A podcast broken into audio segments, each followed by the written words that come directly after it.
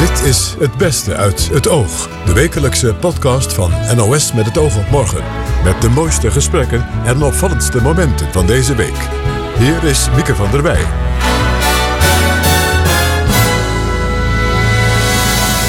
Ja, welkom bij weer een aflevering van Het Beste uit het Oog.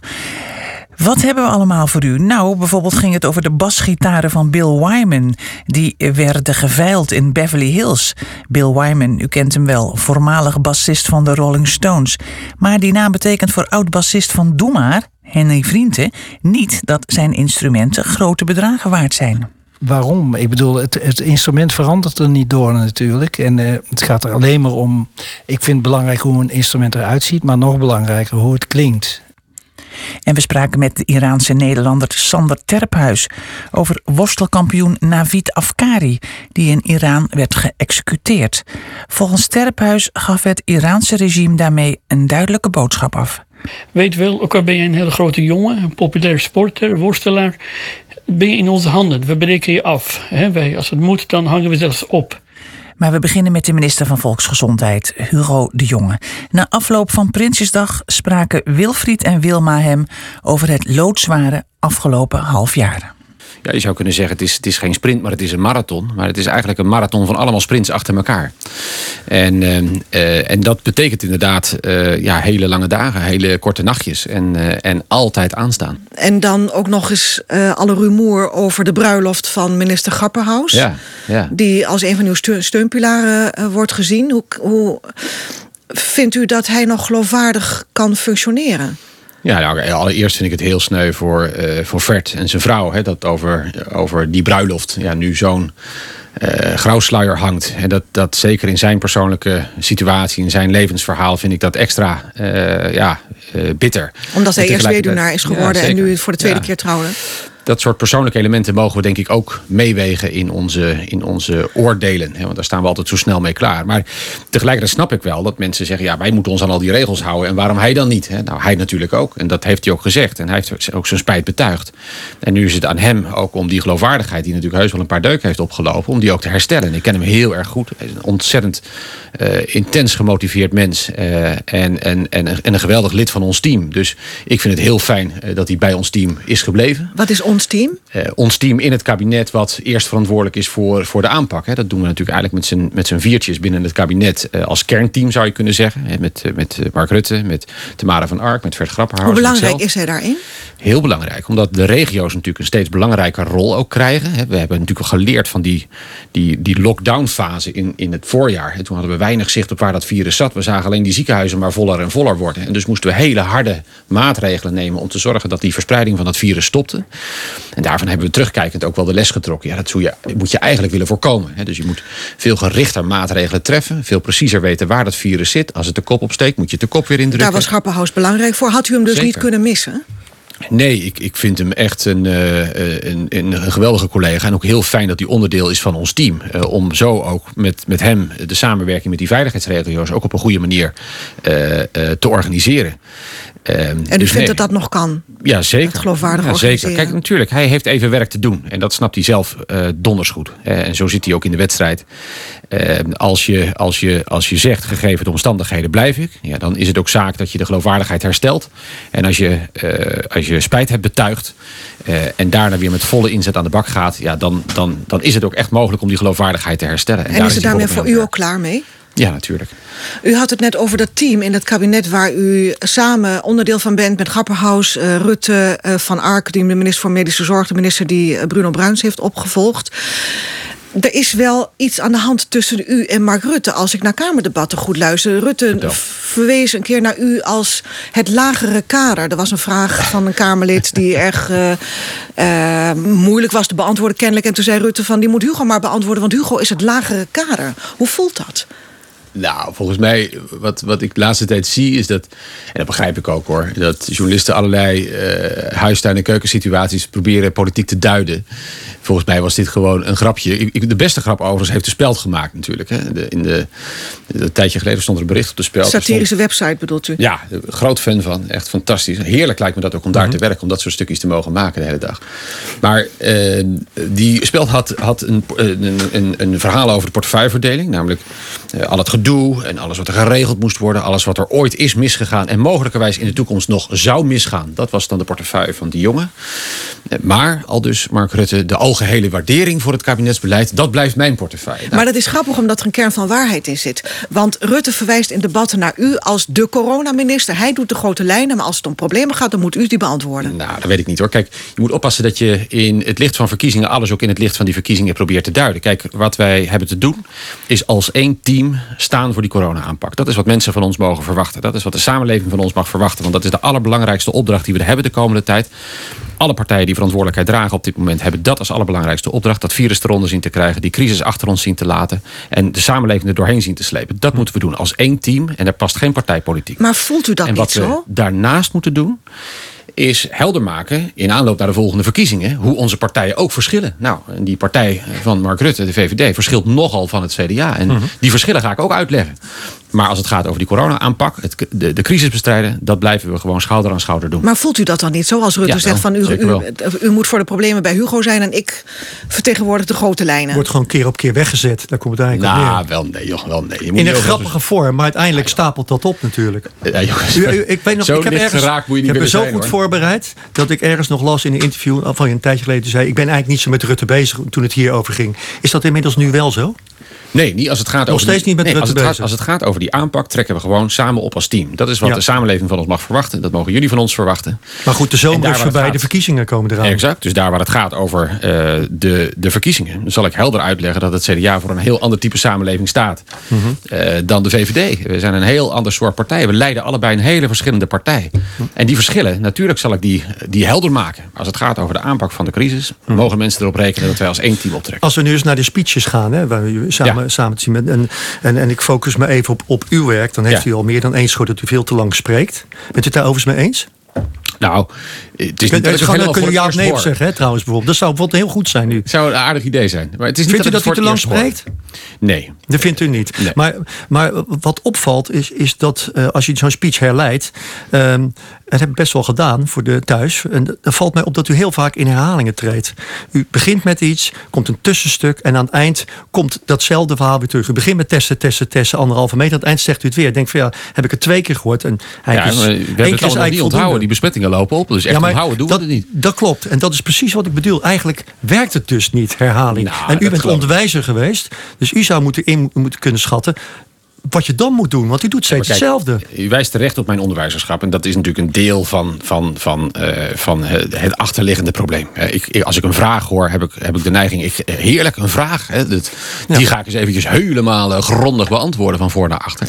En dat doe ik misschien wel eens net iets te gretig. Nou heeft Ahmed Abu Talib mij in de gemeenteraad van Rotterdam... 7,5 jaar geprobeerd te disciplineren toen hij daar voorzitter van was. En ik daar Als wethouder was. burgemeester van Rotterdam. Ja, eh Ariep heeft natuurlijk verwoede pogingen gewaagd. Eh, de voorzitter van de ministerraad, Mark Rutte, waagt soms verwoede pogingen. Ik denk dat dit een beetje de aard van het beestje is ook. Ik, ik, ik wil me natuurlijk best wel wat meer disciplineren. Maar Zou het u sieren als u in uw stijl af en toe eens een keer eh, gebruik maakt van twijfel? Dat u een keer zegt, ik weet het even niet. Nou, ik meen dat met enige regelmaat ook wel te zeggen. Omdat het niet altijd makkelijk is natuurlijk in zo'n ongekende crisis.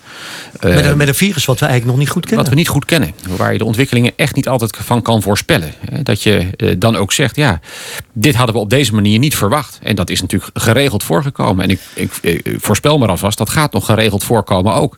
In het begin helemaal hebben we natuurlijk echt met, met 50% van het zicht 100% van de beslissingen moeten nemen. En inmiddels hebben we wel meer zicht, maar, eh, maar zeker niet 100%. Maar is het dan ook een kwestie van controle willen hebben over iets waar eigenlijk geen controle over te hebben valt? Bijvoorbeeld als we kijken naar de app die u mm, aankondigde. Eh, die zou er snel zijn, Eh, die, die is er hoor ik- niet. Eh, de testcapaciteit die Dat zou hoor snel op orde vaak. zijn, die is dat er hoor niet. ik best vaak. In een normale manier van... Ik ben iemand die heel erg juist grip wil hebben in mijn werk. De dingen wil overzien, de dingen wil voorzien. En dat in deze periode waar weinig te overzien Dat is. niet. Exact. Hoe botst dat dan? Nou, stel je nou eens voor dat ik over die testcapaciteit dat ik had gezegd, ja, voordat we iedereen gaan testen met klachten, moet ik wel heel zeker weten dat we dat in lengte van, van maanden kunnen volhouden, eigenlijk totdat het vaccin er is. Dan moet ik dus echt le- le- leveringafspraken hebben met met alle Dan leveranciers. had de Kamer in rijen van tien bij de interruptiemicrofoon Natuurlijk, dan had het al lang kerst geweest voordat ik überhaupt een keer kon beginnen daarmee. Dus dat was geen optie. Dat is geen optie. Dus je moet telkens de stap naar voren zetten. Ook al weet je niet helemaal zeker of je ten volle kunt waarmaken eh, de stap die je zet. Maar bij- dat is de blijft u ook, tijd. zo blijft u ook werken. Absoluut. Ja, dat is ja. namelijk de enige manier om deze crisis aan te pakken, is op die manier opereren. Maar, maar betrouwbaarder wordt dan die informatie er niet van. Want het is nooit helemaal... Dat ben ik niet met u eens. Dat nee. ben ik niet met u eens. Kijk, als onmiddellijk na een bericht wordt gezegd als we eh, iets gaan doen. Oh, dat is dus een belofte. Dat het dan dus. Ja, eh, zo kan je natuurlijk niet werken. Want als je ziet bijvoorbeeld de testcapaciteit, is een goed voorbeeld. We hebben natuurlijk hebben die testcapaciteit waanzinnig vergroot. We hebben alle mogelijke manieren gedaan om die testcapaciteit te vergroten. Wat we alleen hebben gezien is dat de vraag naar testen nog veel hoger was dan we hebben kunnen inschatten. Zou je zeggen, oh dan heb je het dus fout ingeschat. Ja, nogal wie dus, want niemand had gezien hoeveel mensen, als je zou zeggen, laat je testen als je klachten hebt, hoeveel mensen zich dan zouden gaan laten testen. Dat is Wij- het varen in de mist. wij, ja, wij schatten in 30.000 per maand. Nou, die 30.000 die halen we wel, maar we zitten er dik overheen. Daar zit het punt. Dus het is eigenlijk een. ehm, er is geen, geen alternatief voor. Je moet de stap naar voren zetten. zo op te neem die, neem die app. Oh, De app is precies op dezelfde manier gegaan. Het, het Outbreak Management Team had ge- eh, gezegd... Je, je moet eigenlijk dat bron- en contactonderzoek moet je ondersteunen. Eh, met een app, eh, met, met eh, digitale ondersteuning. Nou, en dus hebben we gezegd, dan gaan we kijken wat er mogelijk is. We willen twee soorten apps. Nou, die, we hebben gekeken eerst, wat is er eigenlijk in de markt beschikbaar? Nou, en toen er niks beschikbaar bleek, zijn we het zelf gaan maken. We hebben inmiddels een fantastische app staan. Ehm, en die zullen we ook landelijk gaan uitrollen. En ja, inderdaad, dan heeft het langer geduurd dan je van tevoren had kunnen voorzien. Is dat dan een reden om maar niks meer te zeggen? Of om maar niks meer je voor te nemen? Of, Dat niet, maar nee, u- natuurlijk niet. merk ook dat u. er kennelijk ook niet zo heel erg mee zit. Dat Nee, helemaal dat- niet. Nee. Nee, dit is namelijk de enige manier om die crisis te runnen. Dus ik zou zeggen, wend er maar aan. Eh, het vaccin, eh, ja, ik hoop dat dat er is in de eerste maanden van het nieuwe jaar. Dat zou geweldig zijn. We werken werkelijk dag en nacht door om... Maar die- zekerheid hebben we niet. maar zekerheid hebben we gewoon niet. Daar moeten we het gewoon mee doen. Het coronavirus houdt het RIVM natuurlijk ook nog altijd druk bezig. Niet alleen het virus in de mens, maar ook in het rioolwater. Ik sprak afgelopen woensdag met onderzoeker en bijzonder hoogleraar aan de Universiteit Utrecht, Anna Maria de Roda Husman, over deze bijzondere testen. Wekelijks testen we inderdaad eh, bij al die eh, locaties waar ons rioolwater terechtkomt en gezuiverd wordt. Daar testen wij op het eh, coronavirus. En dat doen ze verder nergens in de wereld nog. Nou, er wordt heel veel al getest in de wereld. Ja? Maar het is vaak bijvoorbeeld een universiteit ergens in een bepaald land. Of een aantal steden in een bepaald land. En nu zijn er wel een aantal landen die ook wel interesse hebben om dat verder uit te breiden. Maar ik denk dat we in Nederland wel een van de eerste zijn die op zoveel plekken testen. En, en, en- en gaan die dan ook bij jullie informatie inwinnen? Eh ja, zeker. Ja, Ja, ja. ja. zeker. Die zijn geïnteresseerd in de protocollen en wat ja. we doen en hoe we dat hebben opgezet. Ja. Nou ja, eh, d- rioolonderzoek is op zichzelf niet nieuw. Ik begreep dat er al eerder onderzoek is geweest naar ehm, illegale erectiemiddelen. Jullie ontdekten toen dat er in de regio Amsterdam meer Viagra werd gebruikt dan werd verkocht. Nou ja, daar kan je natuurlijk wel eh, iets uit afleiden, hè? ja. Zwarte markt. Toch? Ja, ja dat, soort dingen. dat kan bijvoorbeeld. Ja. En eh, we kunnen ook eh, virussen opsporen waarvan we niet wisten dat ze bij mensen voorkwamen in Nederland. Ja. En we kunnen ook kijken bijvoorbeeld naar bacteriën die ongevoelig zijn voor antibiotica, ook heel belangrijk, in combinatie met medicijnennesten. Het is goud waard, dat rioolwater. Jazeker, ja, het bruine goud hè, noemen we het. Is dat zo? Ja, zeker. Waarom is het zo belangrijk dat het coronavirus via het riool wordt opgespoord? Nou, wat we weten is dat als mensen eh, het eh, virus oplopen, dus ze raken besmet, dat ze dat dan eigenlijk eerst eh, in hun neus en keel en in hun ontlasting uitscheiden, terwijl het daarna pas mogelijk leidt tot klachten. Dus, Dus, dus eerder- voordat, voordat we weten of we corona hebben, is het al bekend in ons riool. Ja, Ja. Hebben alle mensen die besmet zijn met, met dat virus ook iets dat in hun ontlasting zit? nee. Nee, want we weten allemaal van de teststraten, van bijvoorbeeld de GGD'en, dat het keel en neus worden geswapt. Dus eh, dat je daar gaat kijken of het in je neus ja, ik, precies. ik heb het nog niet meegemaakt, maar ik Nee. zie het natuurlijk. Nee, ik ook gelukkig niet, maar wel gezien. En, eh, en inderdaad, eh, daar wordt dan eh, het virus eh, uit afgenomen. Maar bij een deel van die mensen eh, is het ook in de ontlasting. Maar niet allemaal. Nee, niet bij iedereen. Nee, Dat lijkt me ook wel weer een complicerende factor. Eh, dat is zo. Maar in de teststraten worden alleen maar mensen toegelaten die klachten hebben. Ja. En wat we in het rioolwater kunnen zien, is mensen met en zonder klachten. Ja. Eh, er worden monsters afgenomen. Hoe gaat dat in zijn werk? Ja, het is eigenlijk heel eenvoudig. Al dat rioolwater wordt verzameld van alle toiletten, bijvoorbeeld in een gemeente. En dat komt allemaal samen bij zo'n rioolwaterzuivering. En daar nemen we een monster. En dat is wel heel bijzonder, want wat we dan kunnen is over 24 uur, elk uur of elke 10 minuten, een klein beetje water nemen. Afhankelijk van hoeveel water er langs eh, stroomt. En daardoor hebben we over 24 uur een heel mooi representatief monster. Ja, en hoe ziet zo'n laboratorium er dan uit? Overal flessen met bruin Ja, zeker. rioolwater? Ja, zeker. En zeker met die 300 locaties hebben we heel veel flessen in het lab staan. Ja, en moet, dan, moet er dan beschermende kleding worden eh, gedaan in verband met besmetting of niet? Ja, dat is tot een bepaald moment. Dus dat is ook het advies inderdaad aan mensen die met afvalwater werken. Dat je je wel goed beschermt, afhankelijk van wat je op, met, op dat moment daarmee doet. Eh, en eh, inderdaad, handschoenen. En, ja. Ja, en eh, als die monsters dan getest zijn, spoel je ze dan weer door de wc? Nee, nee, dat wordt afgevoerd. Ja, Ja, dat kan natuurlijk ja. niet anders nee, niet, hè? Nee, want dan krijg je niet. allemaal hele... Ja, gek? Ja, ja, ja, eigenlijk wel. Maar eh, wat kan je er nou eigenlijk mee met die resultaten? Want dat is natuurlijk toch uiteindelijk de grote vraag. Kan het onderzoek uitwijzen bijvoorbeeld hoeveel mensen er besmet zijn? Eh, ja, dat kan. Maar ik denk dat het belangrijkste is, dat is eigenlijk de trend. Dus je kan op een locatie zien in een bepaalde week dat er een bepaald aantal virusdeeltjes in het afvalwater zit. En dan een week later kan je zien, is het nou meer geworden, is het minder geworden? En die trends kan je nu op dit moment in bijna alle gemeenten kan je dat eh, volgen. En kan je daar dan ook actie op ondernemen? Ja, daar zijn we nog. Daar zijn we nu heel hard aan het werk. eh, om te kijken wat de, bijvoorbeeld de bepaalde signaalwaarde zou moeten zijn. Wanneer zou je actie moeten ondernemen? Ja. En dat kennen we al van de reproductiefactor. Die, die belangrijke factor die boven de 1 kan komen. Ja, die kennen we allemaal. Zeker. En zoiets gaan we ook ontwikkelen nu voor rioolwater. Dus eh, wordt het tien keer zoveel? Is het honderd keer zoveel wat je ziet een week later? Moeten we dan iets gaan doen? Of eh, Mhm. is dat bij duizend? Ja. En dan wordt, wordt dat ook op het corona-dashboard? Eh, Ja. eh, ja? Ja, zeker. Ja, dus de rioolmetingen staan al eh, vrij langer op. Terwijl het een, eigenlijk een heel nieuwe surveillance methode is. Ja. Dus daar kan iedereen in zijn eigen gemeente zien hoe dat gaat. Ja, ik begreep dat jullie hier al sinds februari mee bezig zijn hè, met dat meten. Nog eigenlijk voordat het virus hier in Nederland er was. Ja, dat klopt. Ja, we, we kregen het idee om op Schiphol te gaan monsteren. Omdat we dachten dat het wel een echte hub zou zijn waar het binnen zou komen. En? En op het moment, nou ja, toen kwam de eerste patiënt in Tilburg. Toen zijn we daar gelijk gaan meten. Oh ja. En eh, ja, daar vonden we het gelijk. Ja. ja. Nou ja, goed, u hebt het waarschijnlijk net ook al gehoord. Vrijdag komt het kabinet met extra regionale maatregelen. Eh, de rol van deze methode in dit soort beslissingen. Hoe belangrijk gaat die worden? Ja, nou, wij denken eigenlijk heel belangrijk. Want eh, we zien dat we dus ook bij mensen die dus geen klachten hebben, zoals die 20 tot 40-jarigen, die nu allemaal positief zijn, dat kun je in het rioolwater allemaal uitlezen. Al die mensen zonder klachten, die zie je normaal niet. Die komen niet in het ziekenhuis, die komen niet bij de huisarts. Die komen misschien niet eens bij de teststraat. Die komen zeker niet bij de teststraat. En als ze daar komen en ze hebben geen klachten, worden ze weer weggestuurd. Dus, eh, dus dat is wat we in het rioolwater wel kunnen zien. Ja, en, wat, en dan? Hoe, hoe- hoe- dan, dan zou- Ja, het idee is nu om te kijken Ja. naar die signaalwaardes. Ja. En om dan eh, gepaste acties te ondernemen. Dus als we een klein beetje een stijging zien, dan moet er misschien intensiever overleg worden gevoerd. Als we een flinke stijging zien, dan moeten we misschien lokaal maatregelen nemen. En zeggen van nou, hè, we moeten hier echt meer gaan doen om, het, eh, om de virusverspreiding tegen te gaan. In Iran is worstelkampioen Navid Afkari geëxecuteerd in een gevangenis. Hij was veroordeeld voor het doodsteken van een beveiliger bij een anti-regeringsprotest in 2018. Zijn executie maakt veel los. Zo ook bij Sander Terphuis, Iraanse Nederlander, mensenrechtenverdediger en voormalig worstelaar. Hij vertelde aan Shaila Sitas Singh dat het hem heel zwaar viel.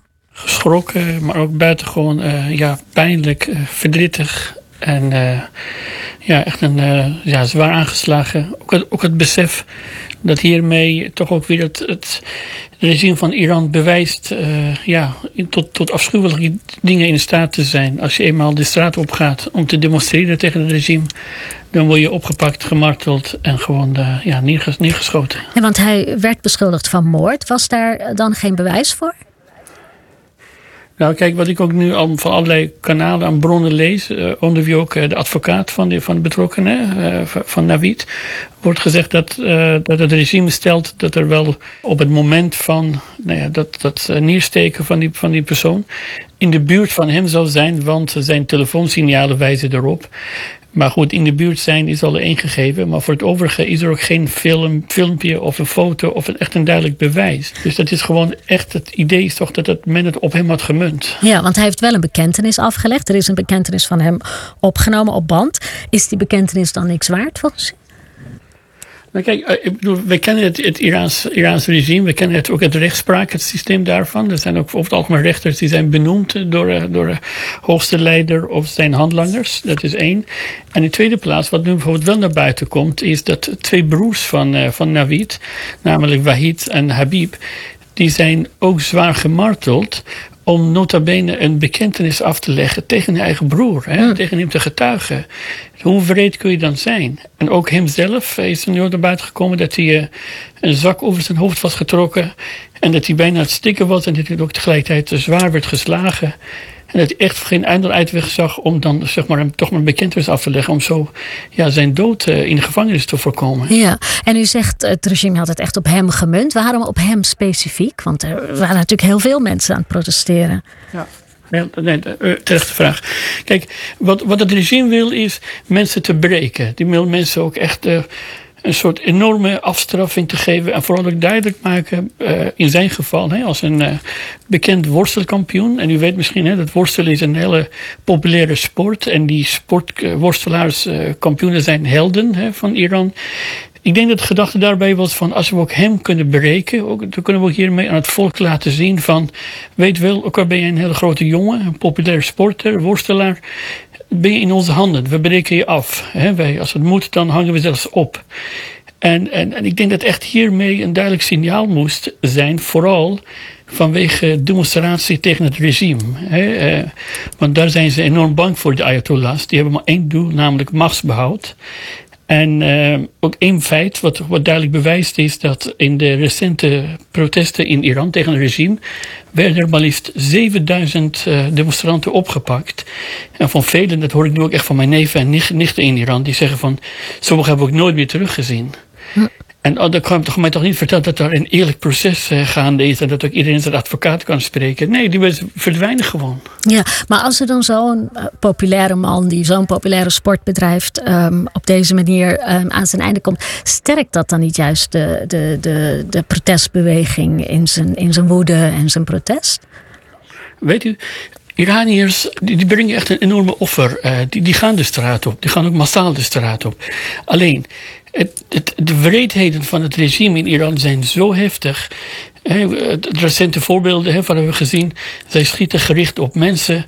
Uh, zij, zij, zij gooien ze werkelijk alle kanten dat ze wat ze aan kunnen doen. En ze halen ook allemaal militairen of, of van, die, van die enge mensen uit, uit Libanon, uit Syrië, uit China. China er zijn al wat voorbeelden van. Met opdracht van uh, maai die, die demonstranten weg. Schiet ze dood of, of martel ze. Kortom, er gebeurt zoveel met die mensen dat ze echt wel bang raken. En mijn familie zegt ook tegen mij van...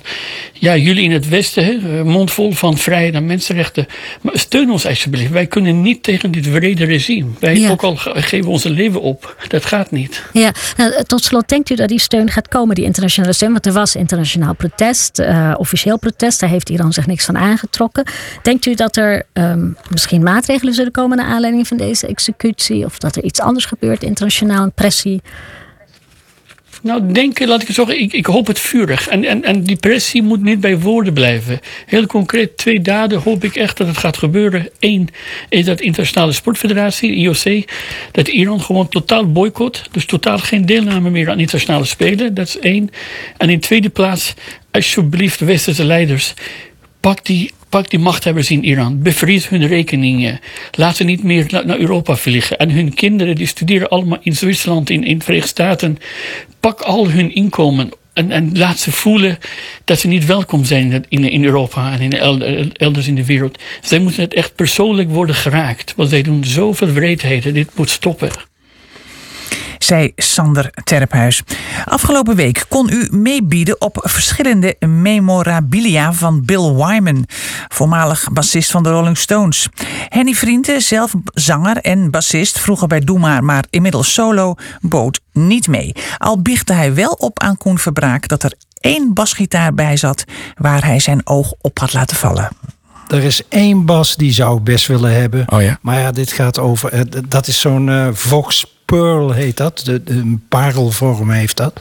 Ehm, En die heb jij nog niet zelf? die heb ik niet, nee. Ook, niet omdat, ook omdat ik niet, nooit echt gezocht heb. Nee. Maar ehm, En, wat, zou- wat moet die doen? Ik bedoel, wat kost die? ik heb geen idee. Oh, dat staat ik er niet heb bij. geen- Je Nee, moet gewoon, er niet nee, bij. je moet gewoon nee. bieden. Ja, dat denk ik. Maar ik denk dat ze wel met startprijzen beginnen. Eh, maar dat zal, dat zal niet mal zijn. Want als eh, er is ooit een, een, een akoestische gitaar van John Lennon voor anderhalf miljoen verkocht. Ik bedoel, ja, en dat ding is 75 dollar waard, denk ik. Krijgt zo'n instrument voor jou meer waarde als je weet dat een beroemdheid hem heeft gemaakt? Nee, voor mij werkt dat niet zo. Ik Nee? ben, ben. Nee, nee. Nou ja. Waarom? Ik bedoel, het, het instrument verandert er niet door natuurlijk. En eh, het gaat er alleen maar om. Ik vind het belangrijk hoe een instrument eruit ziet, maar nog belangrijker hoe het klinkt. En, en niet wie erop gespeeld heeft. Nee, maar- het is wel ja. zo dat als je een oudere bas koopt die eh, goed is ingespeeld, dat Mhm. is wel heel fijn. Ja, een instrument is ook bezield natuurlijk. En als daarop gespeeld is door een heel bijzonder iemand, dan zit er misschien wel iets van die ziel ook in dat instrument. Ja, misschien, misschien, ja. Misschien, maar ik ken toch heel weinig basgitaren die het werk zelf doen. Maar bijvoorbeeld de, de, de bas van Paul McCartney, zou dat wat zijn voor jou? Dat is een ander verhaal. dat is een, Ja, dan dat wordt het anders, an- Dat is een heel ander verhaal. Ik ben namelijk een, een, een echt eh, diehard eh, Beatle-fan. En niet zo van de Stones, terwijl dat natuurlijk al een heel belangrijke band is. Dat zie ik ook wel. Maar ja, eh, Paul McCartney speelt op, eh, op een Hufner vioolbasje. En hij was linkshandig. Hij was linkshandig, daar zou ik sowieso niks aan hebben. Maar die basjes die, eh, die, waarop hij, hij speelt, hij heeft er geloof ik wel 50 of zo. uit 62, 63, 64. Maar ik heb dus een keer op een veiling het prototype van die Hufner gekocht uit 56. Oh ja. En die heeft Sir Paul niet, maar ik wel. En, en, en bas dat anders? Nou ja, iedere bas is anders. Ik, ik, ehm, dus ieder instrument is anders. En als je ehm, open staat voor de nuanceverschillen, dan, dan is dat een groot, groot verschil. Nou, die basjes van, van Bill Wyman, die interesseren mij ook niet zo, omdat hij. ehm, ik weet niet of je ooit de foto's of filmpjes van vroeger herinnert, maar hij, hij heeft altijd zijn bas recht omhoog staan, zo, Ja. hangen om zijn nek en dan recht omhoog. En dan Ja. speelt hij ook boven aan de nek. En dat komt omdat hij hele korte armpjes had en kleine handjes. Oh ja. En al die bassen van hem, dat zijn short skills. Dat zijn dus hele kleine basjes. Waar Oh die, die eigenlijk gemaakt zijn, v- 55, 60 begonnen ze daarmee voor studenten. Dus Oh. voor, voor meisjes en voor jongetjes die probeerden te bassen. Maar krijg je En dan wel een laag geluid? Ja, die klinken heel goed. En het gaat natuurlijk heel erg ook om, om, om de techniek die erin zit. En ik heb eh, een paar van die bassen die hij eh, nu gaat verkopen, die, die heb ik ook. En ik, ik hou namelijk ook van short skills, omdat je dan ja, niet zo hard hoeft te werken. En ik ben een lui, luie bassist. Ah ja. Maar, maar dan, dan, eh, de- dan speel je ook met die, met die nek omhoog, zeg maar. Nee, ik heb lang, mijn armen zijn lang genoeg om, eh, om, om eh, de, de lengte naar links in te gaan. Heb jij al je basgitaren uit de Doe maar tijd bewaard? Ehm, een aantal. Een aantal. eh, maar ehm, ja, vroeger was ik er niet zo heel erg mee bezig. En eh, wat ik leuk vind, ik, ik zie dan nog wel eens foto's van vroeger. En dan denk ik, verdomd, waar is die bas gebleven? Waar is die bas gebleven? Ze bleven ook altijd ergens achter. Ik, Oh. ik, ik was een, maar die, die, zeg maar, die verzamelwoede, waar ik dus wel last van heb, of je kunt het ook hebzucht noemen, eh, die, dat is later gekomen. Veel, eh, veel later dan Doe Maar. Dus eh, ik had in de tijd ja, dat ik in Doe Maar speelde misschien 10 of 12 bassen. En dat heb je ook wel nodig, omdat er altijd een bas op een bepaald moment lekkerder klinkt dan een andere. Maar dat is nu een beetje doorgeschoten. En is er een droombas waarvan je denkt, ja, als ik die ooit kan krijgen, dan, dan is alles goed? nou, Nou, ik, ik wil nu niet eh, al te verwend eh, eh, klinken, maar mijn dromen zijn wel haast vervuld. Ja, ik ben wel eens, ik heb wel eens het genoegen gehad om bij jou in de studio te zijn. En dat is een soort gitaarwinkel, hè? Ja, ik, ik heb wel een paar bassen, ja. En ook gitaren, ja. De, ik had heel lang, ehm, dat zegt eh, de meeste mensen niks... en dat is misschien dus ook een heel vervelend, saai verhaal... maar heel lang wilde ik een Di Pinto. En een Di Pinto is een eh, soort bling-bling bas. Die ziet er echt belachelijk uit, maar die klinkt heel erg goed. En die eh, was nooit in, in, in, eh, zeg maar in, in ons continent te koop, alleen maar in Amerika. En zelfs daar niet, omdat die niet meer werd gemaakt. En die heb ik twee weken geleden gevonden in Frankrijk. Maar dat is wel leuk, want eigenlijk ben je als, als man van in de zestig eh, eh, nog een jongetje dat in de, in de winkel speelt. Absoluut. Ik, ik, ehm, ik, ik heb wel eens eerder verteld dat ik eh, toen ik 11 of 12 was, stond ik zo met mijn neus plat gedrukt altijd bij de plaatselijke in Tilburg was dat. Er was één Ja. muziekwinkel en er stonden vier aftanse Egmonds in de etalage. Daar kun je niet dood mee gevonden worden. De slechtste gitaren die ooit ter wereld zijn gebouwd. Oh ja. Maar trouwens, de Beatles zijn ook op Egmond begonnen. Maar goed, Oh ja. dat is een ander verhaal. Maar eh, ik ging daar iedere dag kijken. En dan stond ik te kijken. En mijn verlangen naar gitaren is hetzelfde gebleven. Ik dacht als jongetje van elf, als ik die gitaar heb, dan kan ik het. En dat heb ik nu nog steeds. Ik denk, als ik die bas heb, dan leer ik het. Dat zei eh, Henny Vriend, die trouwens de 70 al gepasseerd is ondertussen. Ja, je zou het niet zeggen. Leuke man. Nou, het was het weer. Hartelijk dank voor het luisteren. Volgende week dan is er natuurlijk weer een nieuwe podcast in uw podcast-app. Dag.